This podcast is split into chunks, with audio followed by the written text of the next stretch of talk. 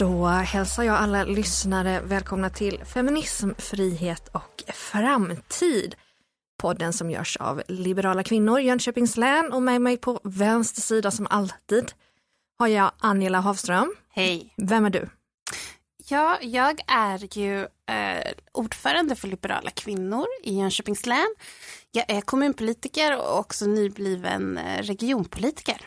Precis. För Liberalerna, ska ja, jag säga. Tydligt ja. att säga, bra. Mm. Sen har vi med två fantastiska gäster. Vi har Lenja Sharif, ledamot i Liberala kvinnor eh, Jönköpings län och SFI-lärare och du har också en intressant bakgrund som du ska få berätta om eh, senare. Välkommen Lenja! Tack så jättemycket, tack! Och sen eh, en annan gäst som vi har idag, det är Robert Hanna. Du är riksdagsledamot för Liberalerna och du är talesperson för integration och migrationsfrågor, va? Om jag inte är helt ute och cyklar. Ja, det stämmer. Hej på er! Välkommen du också. Men vi, vi slänger igång direkt. Jag tänkte Robert, kan du berätta lite om din bakgrund, din gärning inom Liberalerna och varför du är liberal? Ja, absolut. Um, född och uppvuxen i Göteborg, så att där kommer en stor del av mitt engagemang ifrån. Uh, uppvuxen i ett uh, miljonprogramsområde, utanförskapsområde. Um, och när jag växte upp träffade jag aldrig några politiker och växte upp ganska mycket i att jag var arg över liksom hur mm. det svenska samhället berättade för ungdomar att de hade alla rättigheter. Men i praktiken så accepterade man ju eh, hedersförtryck, radikalisering, eh, dåliga skolresultat, eh, mobbing, våld. Eh, så att det väckte väl ganska mycket eh, en, en kamp hos mig att jag faktiskt ville göra något åt saken. Så i vuxen ålder så eh, klev in i Liberalerna och eh, kryssade in mig i riksdagen just för att inget annat parti eh, inte så många andra politiker då, när jag kom in 2014, mm. vågade prata om integrationsproblemen som fanns. Så att eh, jag är riksdagsledamot sedan sju år tillbaka och jobbar med integrationsfrågorna framför allt. Så det, är där mitt stora engagemang finns. I grunden är jag eh, ja, jurist med fokus på mänskliga rättigheter. Mm. Mm. Superintressant, bra för lyssnarna att höra din bakgrund. Eh, Liberalerna har ju tagit fram ett, eh, ett lyft eller ett program som ska uppnås mm. 20, eh, 2030. Förortslyftet, kan du berätta lite om det Robert? Ja, alltså jag fick ju ansvaret att ta över integrationsfrågorna för Liberalerna för ungefär ja, lite mer än två år sedan av Nyamko Sabuni. Mm. Och då var jag väldigt tydlig med att jag vill inte som talesperson prata om hur många månader man ska vara en viss etableringsinsats mm. eller vilken eh, ersättning ska komma från kommunen eller Arbetsförmedlingen främst. Utan jag ville gå in och faktiskt förändra vår integrationspolitik från grunden. Sverige har haft ganska stor arbetskraftsinvandring fram till ja, 60, 70, 80, lite 80-talet också. Sen dess gick vi över i mycket, mest flyktinginvandring. Ehm, men vi har aldrig anpassat våra lagar och regler efter det nya Sverige, de nya förutsättningarna vi har. Mm. Så förortslyftet är, eh, är ju, fokuserar på baspolitik. Det är skolan, rättsstaten, det handlar om arbetsmarknad, det handlar om bostad, bostäderna. Så att eh, i grunden är det ju att vi har gjort om hela vår baspolitik med tanke på att det nya Sverige vi har, um, som borde gjorts för länge sedan. Men det är också enda nationella planen vi har i Sverige för att vända på utvecklingen i våra utsatta områden. Andra partier kanske pratar om det här, men de har ingen plan för det här. Så det är vad förortslyftet är. Det, är. det är en plan för att hålla samman Sverige, det är en plan för att lyfta våra utsatta områden. Det är en frihetsplan. Mm, mm. Jättebra. Angela, du nickar här. Nej, men jag tycker att det är så bra det du säger och, och det är också lite häpnadsväckande just att, att få det svart på vitt, att, att trots att det har skett så stora förändringar just när vi har haft den här, ja, både arbetskraftsinvandringen och på senare tid annan invandring, att, att ingenting har förändrats, eller liksom att man inte har sett över eh, lagar och dokument och, och riktlinjer så att säga. Ja, jag kan, lägga till, jag kan lägga till någonting där. Det som är viktigt för mig var när vi gjorde det här arbetet var att vi grundläggande gick igenom och frågade oss själva vad behöver en person som är ny i Sverige för kunskaper för att kunna lyckas i det här landet, för att kunna stå på sina egna ben. Och man har inte riktigt arbetat på det sättet eh, innan, utan vi var väldigt tydliga. Vad behöver man? Jo, man behöver någon typ av um, demokratisk integration, att acceptera uh, den jämställdhetsresa som Sverige har gjort genom åren, där vi ligger i framkant. Att acceptera att Sverige är en demokrati, du kan inte ta lagen i egna händer. Väldigt tydlig del. Den andra delen handlar om social integration, det vill säga att man ska kunna eh, språket till eh, så pass bra så att man kan ta del av samhället och förstå samhället man lever i. Lite samhällskunskap, vi har val var fjärde år till exempel. Det, det, det, behöver man för att ens barn till exempel ska lyckas. Sen har vi tredje benet som det då står på, det är ekonomisk integration och där har vi framförallt misslyckats med kvinnor som har kommit till Sverige. Att se till att varje person som kommer till Sverige faktiskt som målsättning ska vara självförsörjande, vilket det inte är idag. Eh, så att vi har verkligen jobbat eh, utifrån vad, vad, hur, vilken integration vill vi se? Vad behöver människor för att lyckas? Och det är ett ganska nytt perspektiv. I lång tid har vi varit mycket mer av någon typ av omhändertagande perspektiv. Eh, Medan vi nu pratar mycket mer om vad behöver man för att lyckas. Jättebra att du utvecklar det, för jag skulle precis ställa frågan om det, men du hann före själv. Mm. Kanon, kanon. Mm. Angela, du har räckt upp ja, fingret som betyder att du vill ha ordet.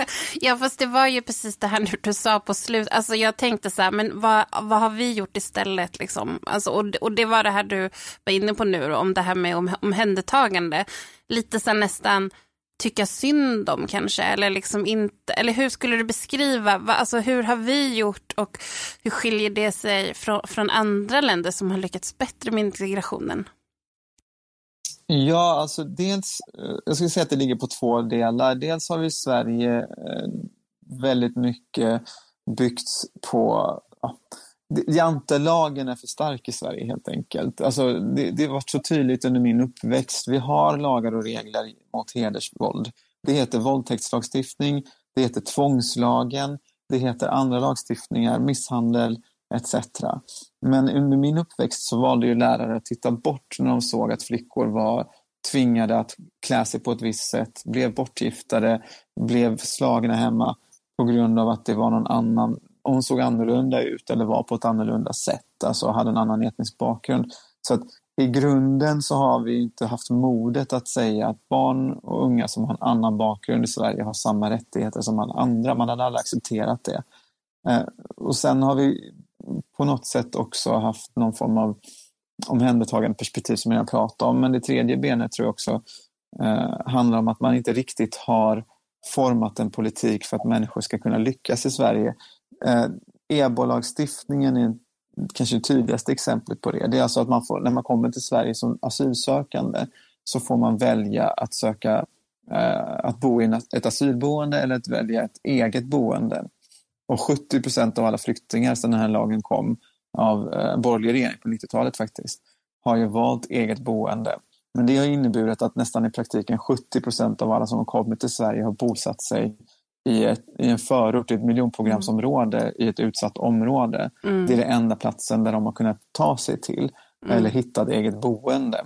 Det betyder i praktiken att vi har, liksom, har, har haft en lagstiftad segregation Eh, där vi har sett till att människor som kommer till Sverige har alla, fått, alla bosatt sig på, i samma områden. Och då är det extremt svårt att integreras, för vem ska man integrera sig med? Mm. Mm. Hur ska man få det där dagliga utbytet med det svenska språket om man nästan aldrig träffar en, en, en person som talar svenska med en i, i vardagen? Så att vi har liksom haft en eh, ogen, vi har inte stått upp för våra lagar, vi har haft ett omhändertagande perspektiv och sen har vi instiftat vissa lagar som faktiskt har gjort saken värre.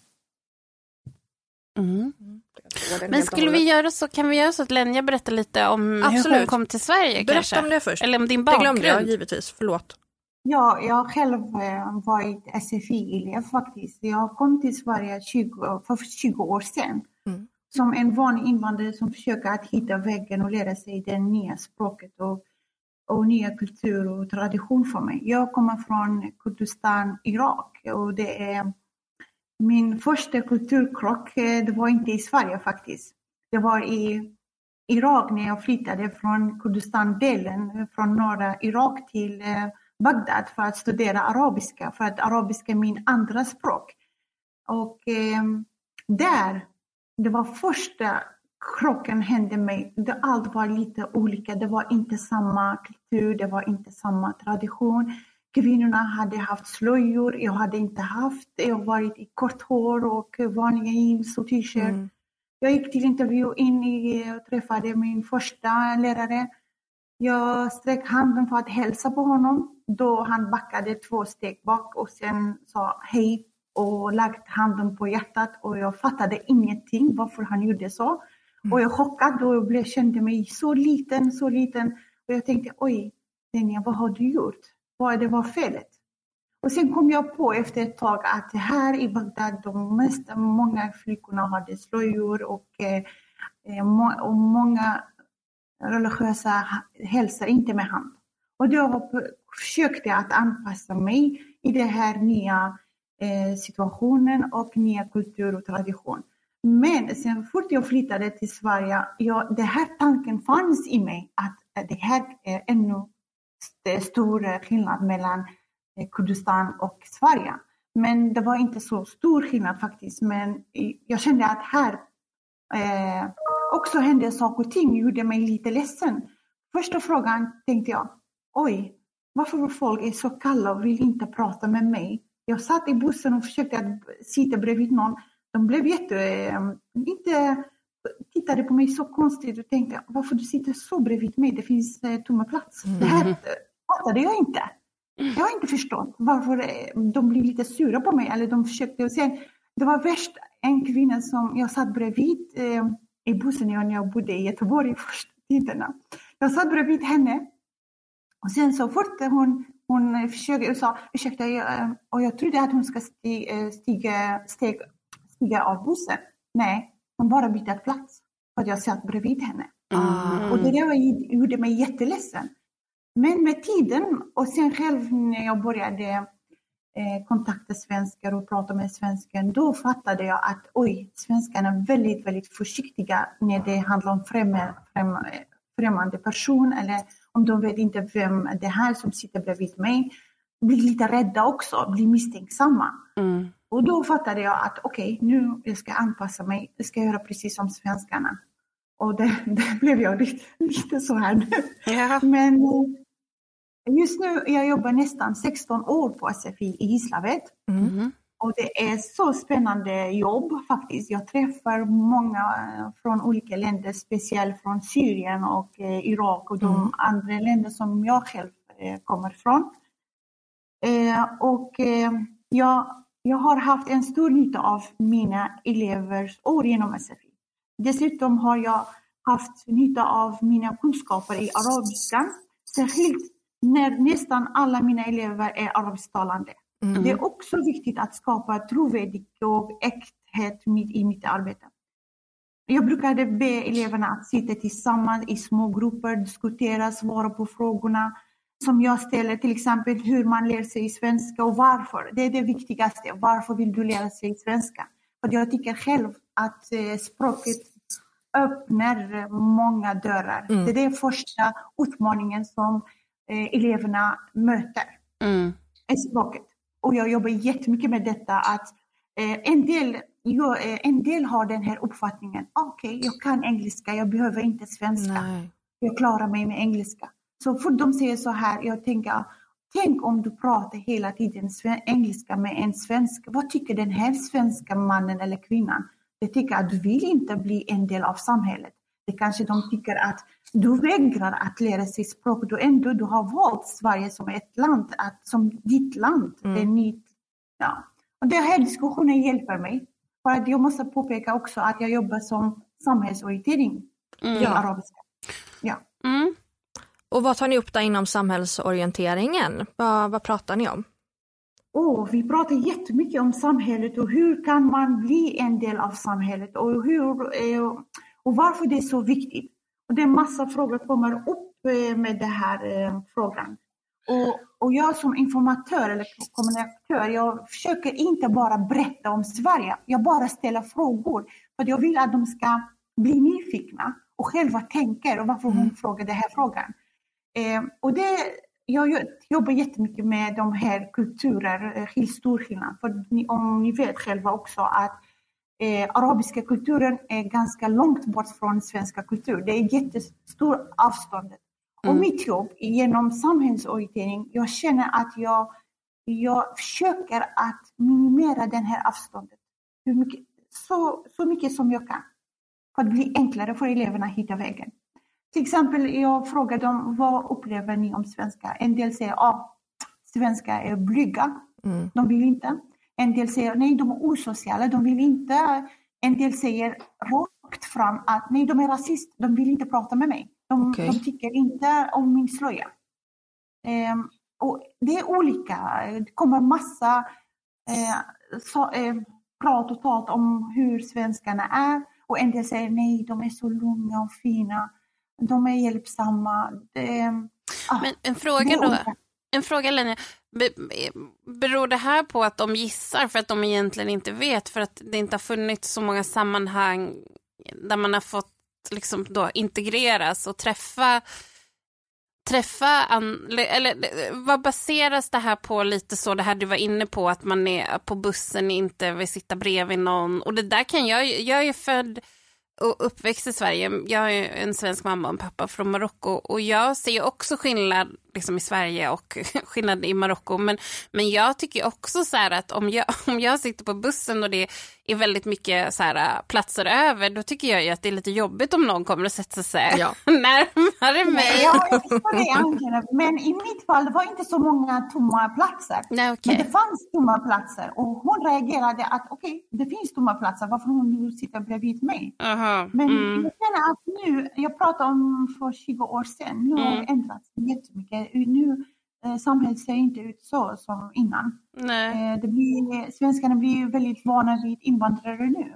Mm. De blir eh, väldigt vana vid slöja också. Det är inte samma eh, synen på slöja Nej. som innan. Innan var väldigt, ja. eh, det var inte så många, men nu efter 2015 allt blir vanligare och allt blir ja. normalt. Ja. Precis. Lenny, jag tänkte fråga dig där om, om språket. Upplever du att Eh, kvinnor har lättare att ta till sig svenska språket eller eh, har män ett försprång eller hur, hur, ser det ut? Ja, det är en intressant fråga. Jag, jag själv fattar jag inte riktigt. Det är enklare för kvinnorna att lära sig språket och det är mest kvinnorna som får godkänt på okay. eh, gruppen eller eh, kursen som vi håller på.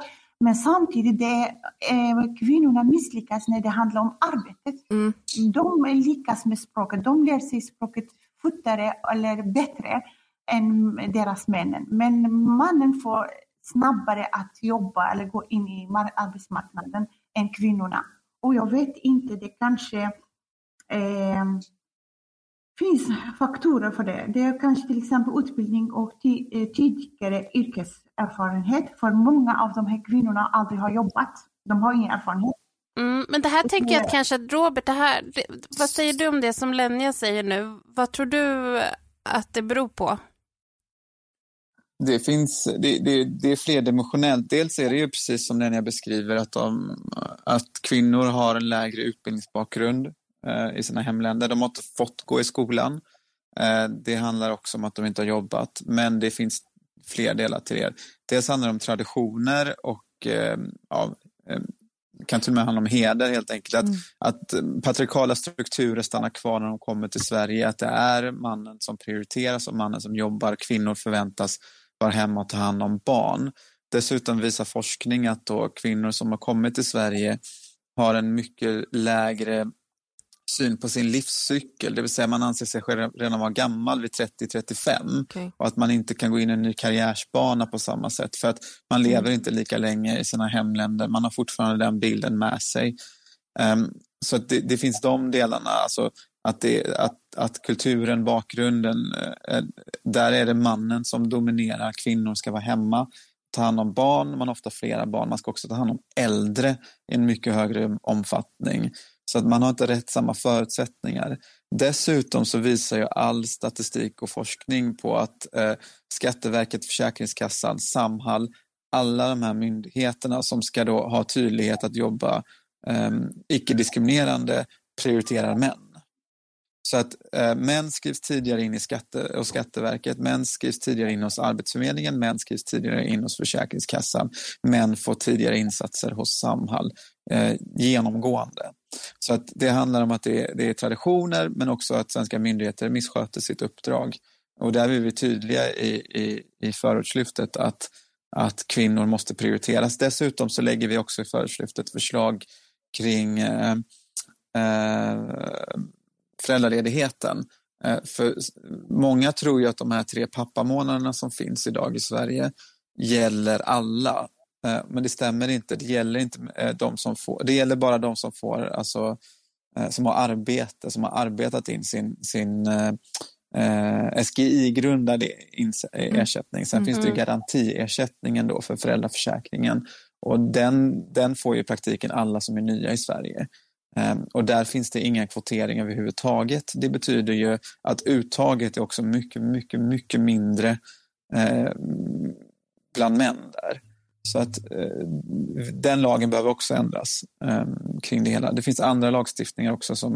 När du som, säger att den lagen behöver ändras, vad är det mera konkret? Vad behöver göras? Ja, det behöver vara pappamånader också för de som har föräldraförsäkring med garantiinkomst. Eh, det vill ah. säga de som inte har arbetat. Det är yes. ett tydligt exempel.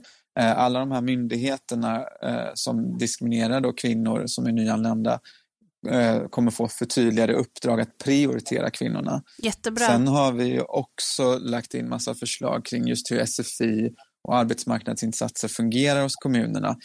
Där är det så att männen prioriteras återigen. Mm. Eh, och vår tydlighet är att kvinnor ska prioriteras jag, i de här insatserna. Uh, jag vill bara säga, när, förlåt, får jag bara säga så här, det, här, det, här, det låter som systematisk diskriminering, det här så som du beskriver, hur, hur våra myndigheter har, det låter nästan som om de har lobbat för männen och svikit kvinnorna. Eller så handlar det kanske om att man plockar de lättaste äpplena först. Det vill säga mannen har en, eh, mannen har en utbildning kanske, eller gått i vart fall eh, grund, grundskolan nio år, kanske har jobbat som mekaniker eller gjort någonting i hemlandet. Då är det lättare kanske att sätta in i någon insats. Sen har det ju det att, att, att eftersom det inte finns några pappamånader så kommer ju, eh, kommer ju pappan då uppmana kvinnan att ta hand om barnen. Mm. Så att eh, det, det, det är lite både och. Ja, jag, jag vill ja Lenja. Det, också. det som sa Robert, det är helt sant och rätt för jag bland eh, flyktingarna och det, ni vet att jag jobbar nästan 16 år bland och jag ser att utbildning och tidigare yrkeserfarenheter ofta hos männen än kvinnor. Eh, och samtidigt hälsosituationen också ser ut jätteolika. Kvinnliga flyktingar har ofta sämre utgångspunkt än manliga flyktingar mm. på de här områdena. Kommunikationen av att kvinnor är föräldralediga i högre utsträckning än män gör att många, framför allt kvinnor med kort utbildning, riskerar att hamna långt från, från arbetsmarknaden. Och den här gruppen riskerar inlåsning i eh, vad med, för försörjningsstöd, vilket i sin tur kan leda till både bristande egenmakt och delaktighet i samhället och öka risken för ohälsa. Det är männen som har mest makt och bestämmer vilka normer som gäller i familjen. Och ofta kvinnor, jag känner att kvinnan är offer i den här situationen. De måste hitta jobb samtidigt de gör allt hemma. Och mm. de, om barnen blir sjuka, det är de som sitter hemma och mm. sköter barnen. Och de missar, missar jättemycket. Mm, och jag tänker också när kvinnorna stängs ute för det mesta och hålls hemma så får de inte reda på vilka lagar eh, som gäller i landet och hur de, vilka de kan vända sig till. Ja. Jag måste tillägga lite grann om bristande information och bristande mm. kunskaper. För att eh, eh kommunen i Gislaved eh, krävde, och de kontaktade mig och sa Lenja, vi har en grupp kvinnor som behöver eh, lite samhällsorientering på mm. vårdcentralen. Först jag fick lite, jag tänkte, ja, vad konstigt jobb jag är väl sfi-lärare, varför ska jag gå till vårdcentralen och träffa de här kvinnorna mm. som var mammalediga? Mm, sen tänkte jag, ja, jag måste äh, lyssna på chefen. Om han tycker att jag ska göra det så kommer jag göra det. Men sen, jag blev så glad för jag kände att jag gjorde något bra. Något, det var riktigt succé. För mm. de här kvinnorna som jag har träffat, de har aldrig kommit ut. De har aldrig har läst vara hemma och lyssna på mannen, vad mannen säger mm. och vad, vad, mannen säger om Sverige och Sveriges samhälle. det var helt, helt, eh, eh, vad, hur, hur, kan jag säga, de har ljugit för sina kvinnor. Mm. För de trodde att eh, kvinnan kan, eh, får inte jobba eller okay. inte börja och lära sig språket till barnen blir åtta år. Så, va? Uh -huh. Nej, mm. det är mm. inte sant. Hur männen kan informera sina fruar hemma att det är så? De har berättat sina regler och lagar som fanns inte på kartan alls. Och jag tänkte, oj, nu det är mitt jobb att fixa det här eh, missförståelsen mellan hur samhället funkar. För jag sa, du har åtta år för att få dina dagar ut från Försäkringskassan. Det betyder inte att du ska stanna åtta år hemma. Nej. Ja, det var oh, sådana grejer. Ja, det, det, mm. det gjorde ont i hjärtat. Mm. Och sen många av dem började tänka att använda primitivmedel för de hade haft eh, barn efter barn efter mm. barn. Och sen eh, började de komma till skolan och skriva in sig på SFI och jag blev så glad. Och chefen kontaktade mig och sa Wow, bra Lenia, för mm. åtta kvinnor efter det här eh, projektet uh. började SFI. Jätte, jätte, jättebra. Det låter som att du borde gå till familjecentralen ofta. Ja, eller hur? Jag runt om i hela Sverige. Ja, runt om i hela Sverige. Precis. En turné. ja. ja, men det var ju jätteintressant uh, att, att höra.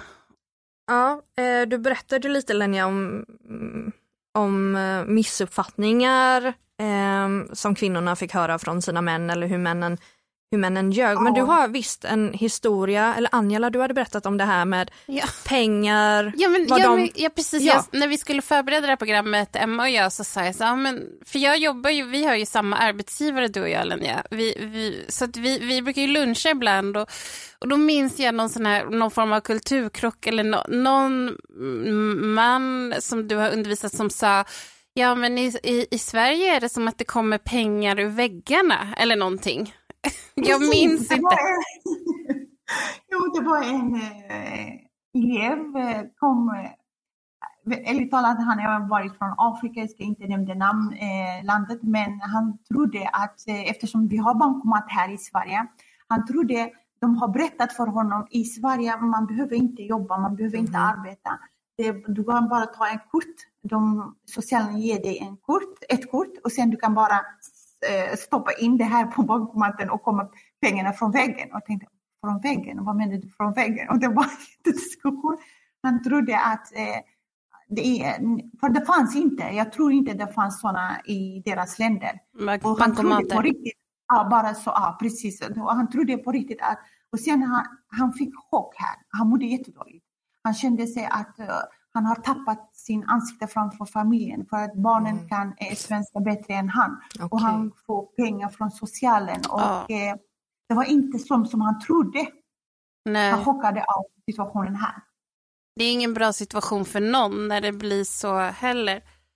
Men, men ähm, Robert, vi har ju, vi, Liberalerna tycker ju då att vi har som samhälle ett ansvar att informera och tydliggöra och vad som förväntas av alla och vilka principer som är avgörande för ett demokratiskt, sekulärt och jämställt samhälle. Nu läser jag från webbsidan här, men, eh, men det, alltså jag tänker, tycker inte alla partier så här, eller liksom egentligen?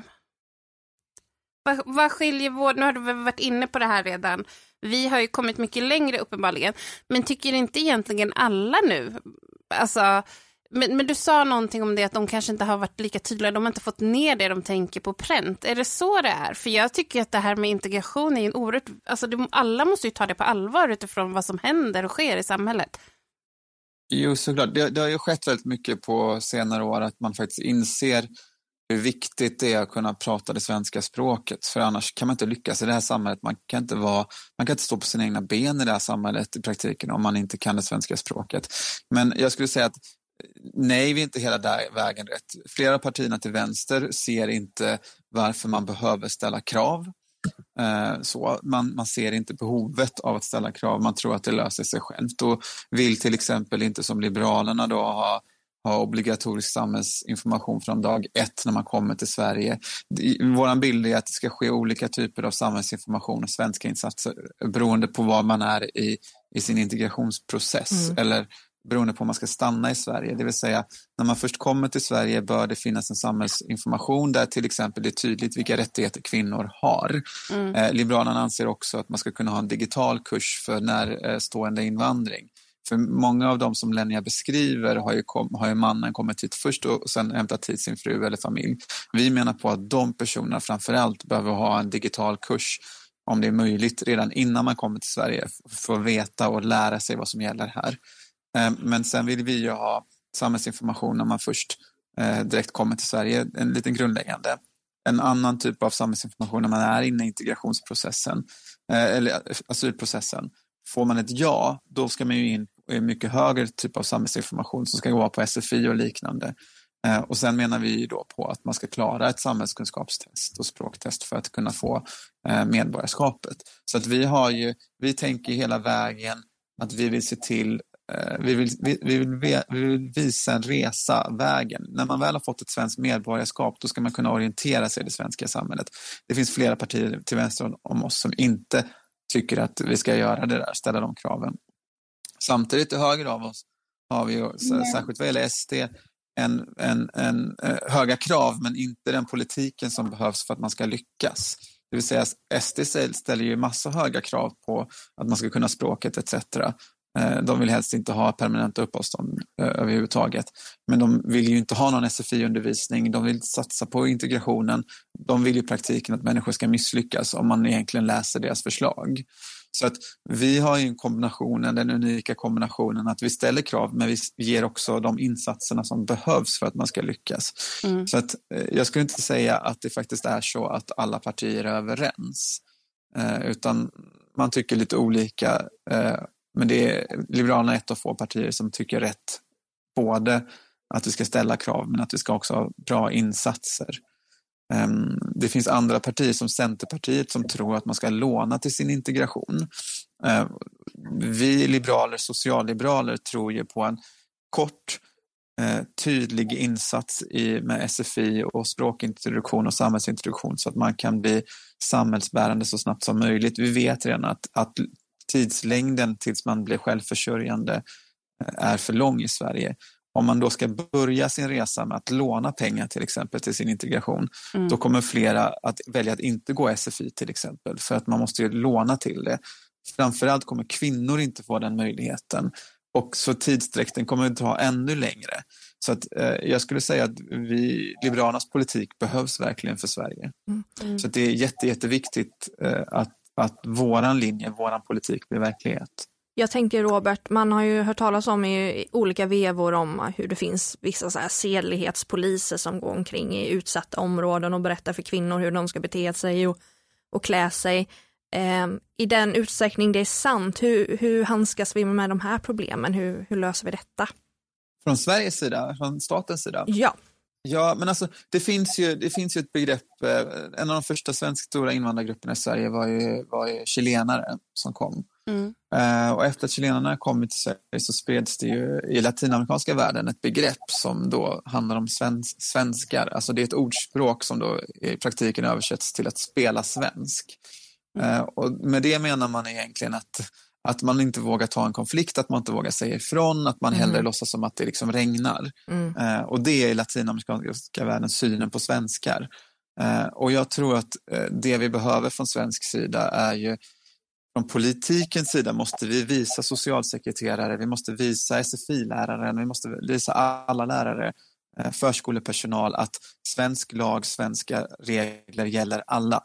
Eh, och de måste ha det känslan i sig att de kan säga ifrån till exempel på en förskola om en förälder kräver att en pojke inte får sova bredvid en flicka. Mm. Den typen av grejer. Alltså, det måste redan när man kommer till Sverige vara tydligt att, att i det här landet är kvinnor lika fria som män. I det här landet så har hbtq-personer mm. samma rättigheter. Men mm. vi måste stå upp för det också. Så att mm. Vi kan inte bara säga A och inte göra B ifall det krävs. Nej. Ehm, sen handlar det också om att vi från Sveriges sida måste Eh, stötta det civilsamhälle som vi tycker bär upp de svenska värderingarna. Till exempel behöver vi stötta eh, organisationer som jobbar mot hedersvåld i utsatta områden. Men vi ska inte finansiera Sveriges unga muslimer och andra radikala organisationer som vi gjort i åratal. Så i praktiken i Sverige har vi liksom från skattepengar gett pengar till organisationer som i utsatta områden har jobbat för segregering, inte för integration eller för kvinnors rättigheter till mm. exempel. Mm.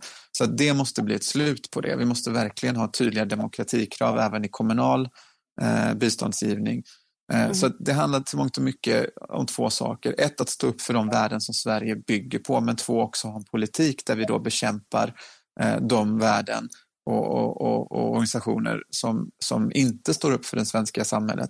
En annan grej handlar också om utländsk finansiering. Mm. Vi vet idag att nästan varenda moské som har byggts i Sverige som är radikalt är finansierat av Saudiarabien, mm. Turkiet, Qatar eller något annat land. Mm. Det är helt, och även eh, civilsamhällesorganisationer, föreningsliv. Det ska inte vara tillåtet för icke-demokratier att få komma till Sverige och radikalisera svenska ungdomar och få svensk-muslimska ungdomar att känna ett större samhörighet med, med, med, med, Isis än med det här öppna fria mm. samhället. Så vi har inte riktigt tagit kampen med dem heller. Så det, handlar om, det handlar om vilka värderingar vi står upp för.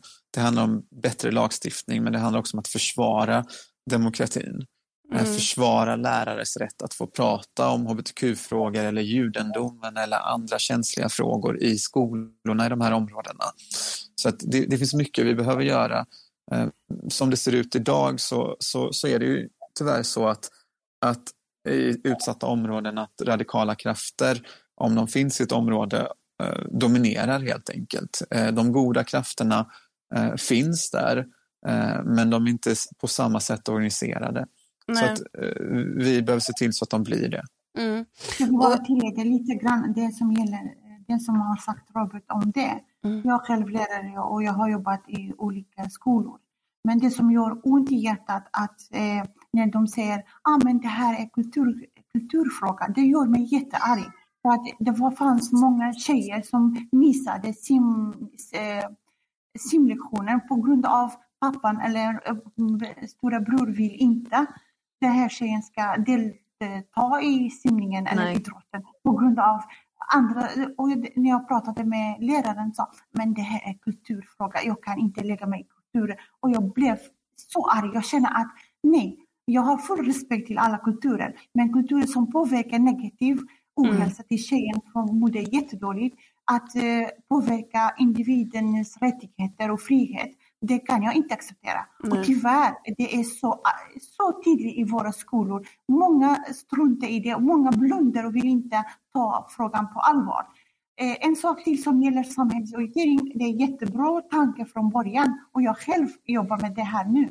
Men som hände från början, eftersom vi hade inte haft så många resurser, vem har tagit det här samhällsorientering? Jo, de som har kommit till Sverige två år och kan bara lite språket och de blev samhällsinformatör. Eh, och det blev helt fel för att den här personen som, tar, eller som jobbade som informatör eller kommunikatör, han själv visste inte mycket om samhället.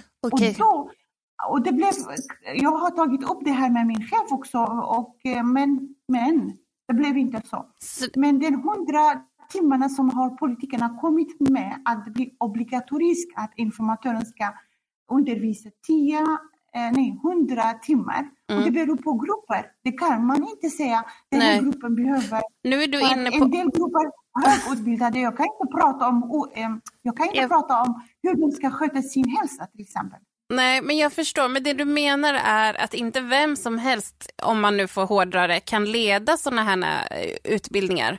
Alltså det ska vara någon form av certifiering. Alltså den som, den som leder eller den som undervisar i samhällsorientering måste vara liksom ha en gedigen utbildning eller liksom på något sätt verkligen veta vad det är som gäller själv för att kunna lära andra. Visst är det så du menar? Det, det ser jag ju som en förutsättning och så brukar det ju vara ja. i alla former av undervisning. Så det brukar man ta för en självklart, men ja, så är det ju inte. Fast, det, fast får jag komma in här? Ja, ja. självklart.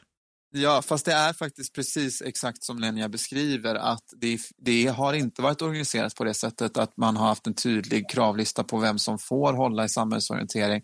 Så när vi i Liberalerna fick igenom i januariavtalet just samhällsorientering så var, var det, den viktigaste frågan jag tittade på när vi spelade in våra krav i förhandlingarna eh, var just vem får lära ut? Mm.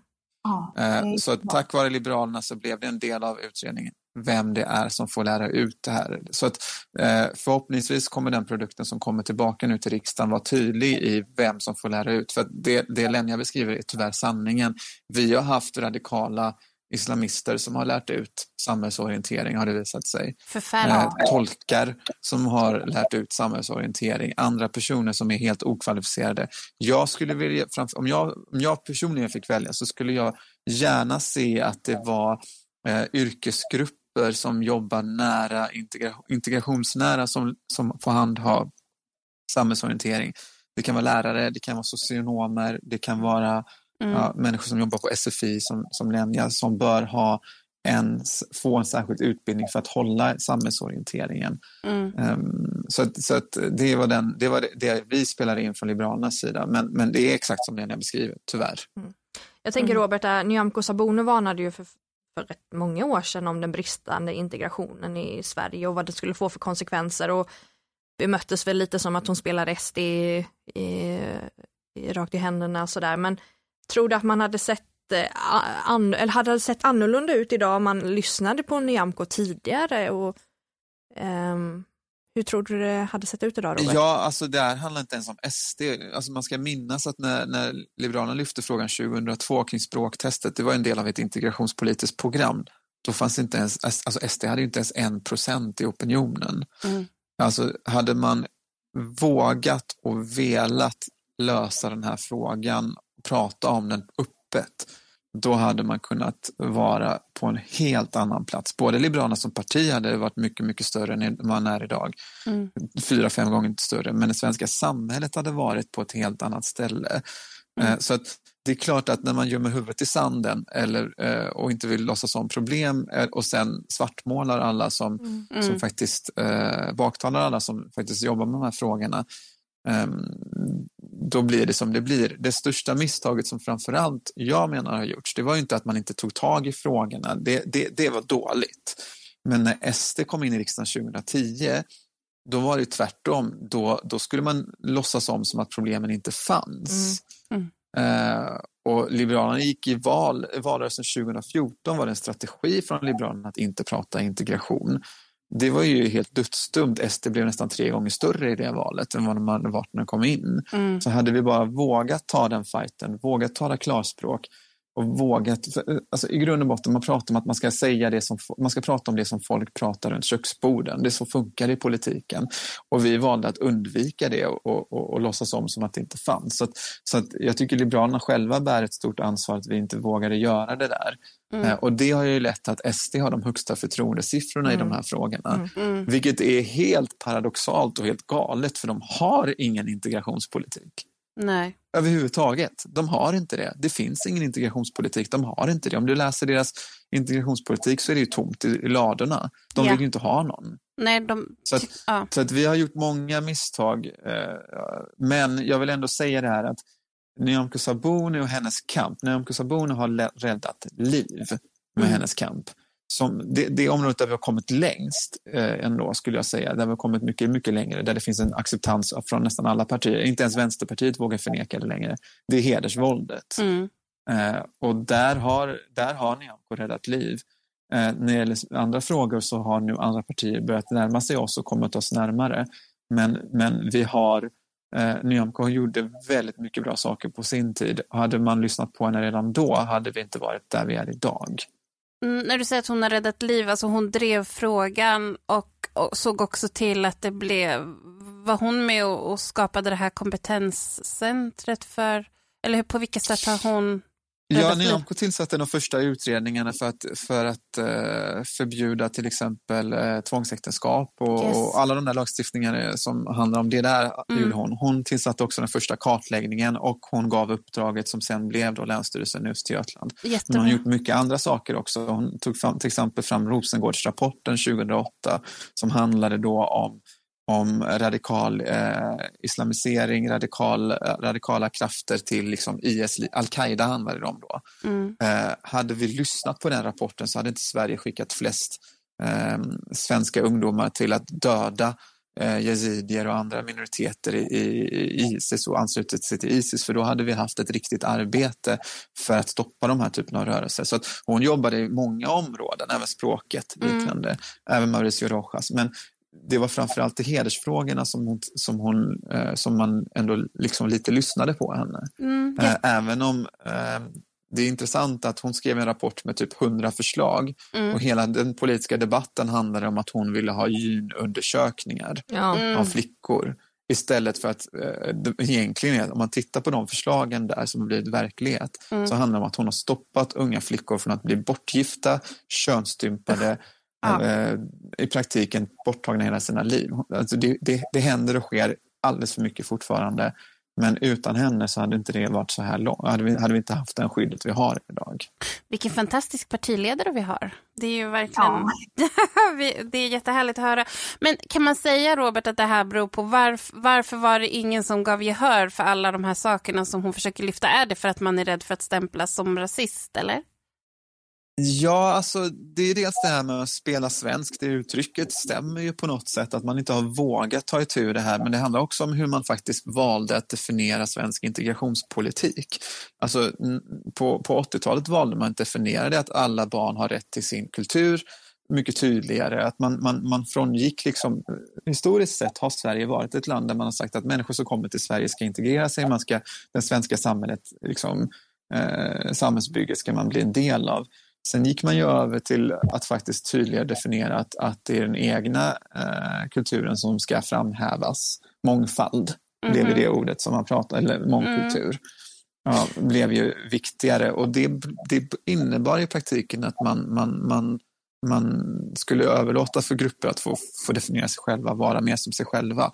Det har, har ju Nyamko varit en del av att försöka bryta ifrån. Alltså, vi tror ju inte på mångkultur, det vill säga att, att svensk lag inte gäller för allt annat. Mm. Eh, att, att liksom assyrisk, som jag själv tillhör, att assyrisk eh, syn på kvinnan ska gälla före svensk lag. Nej, absolut Nej. inte. Det är svensk lag som ska gälla. Eh, och det så tänker att, man egentligen inte att någon borde säga emot det. Ändå så har det ju blivit en väldigt stor diskussion just kring det här. Ja, men, men det Liberalerna tror ju på mångfald, svensk mångfald. Det vill säga vi har en unik historia, en unik jämställdhetskamp, vi har en unik lagstiftning eh, som, som vi vill att människor som kommer hit ska bli en del av. Mm. Sen hur, hur människor klär sig, äter, tycker om att lyssna på musik i bussen. Jag, alltså, jag kunde inte bry mig mindre. Nej, nej. Jag pratar bara assyriska med mina barn för jag tycker det är viktigt att de har alla sina språk. Mm. mm. Eh, jag tycker det är viktigt att de lär sig sin... Alla, vi, vi firar nästan alla våra helgdagar. Vi firar svenska dag, helgdagar, vi firar mm. assyriska helgdagar, mm. vi firar amerikanska helgdagar.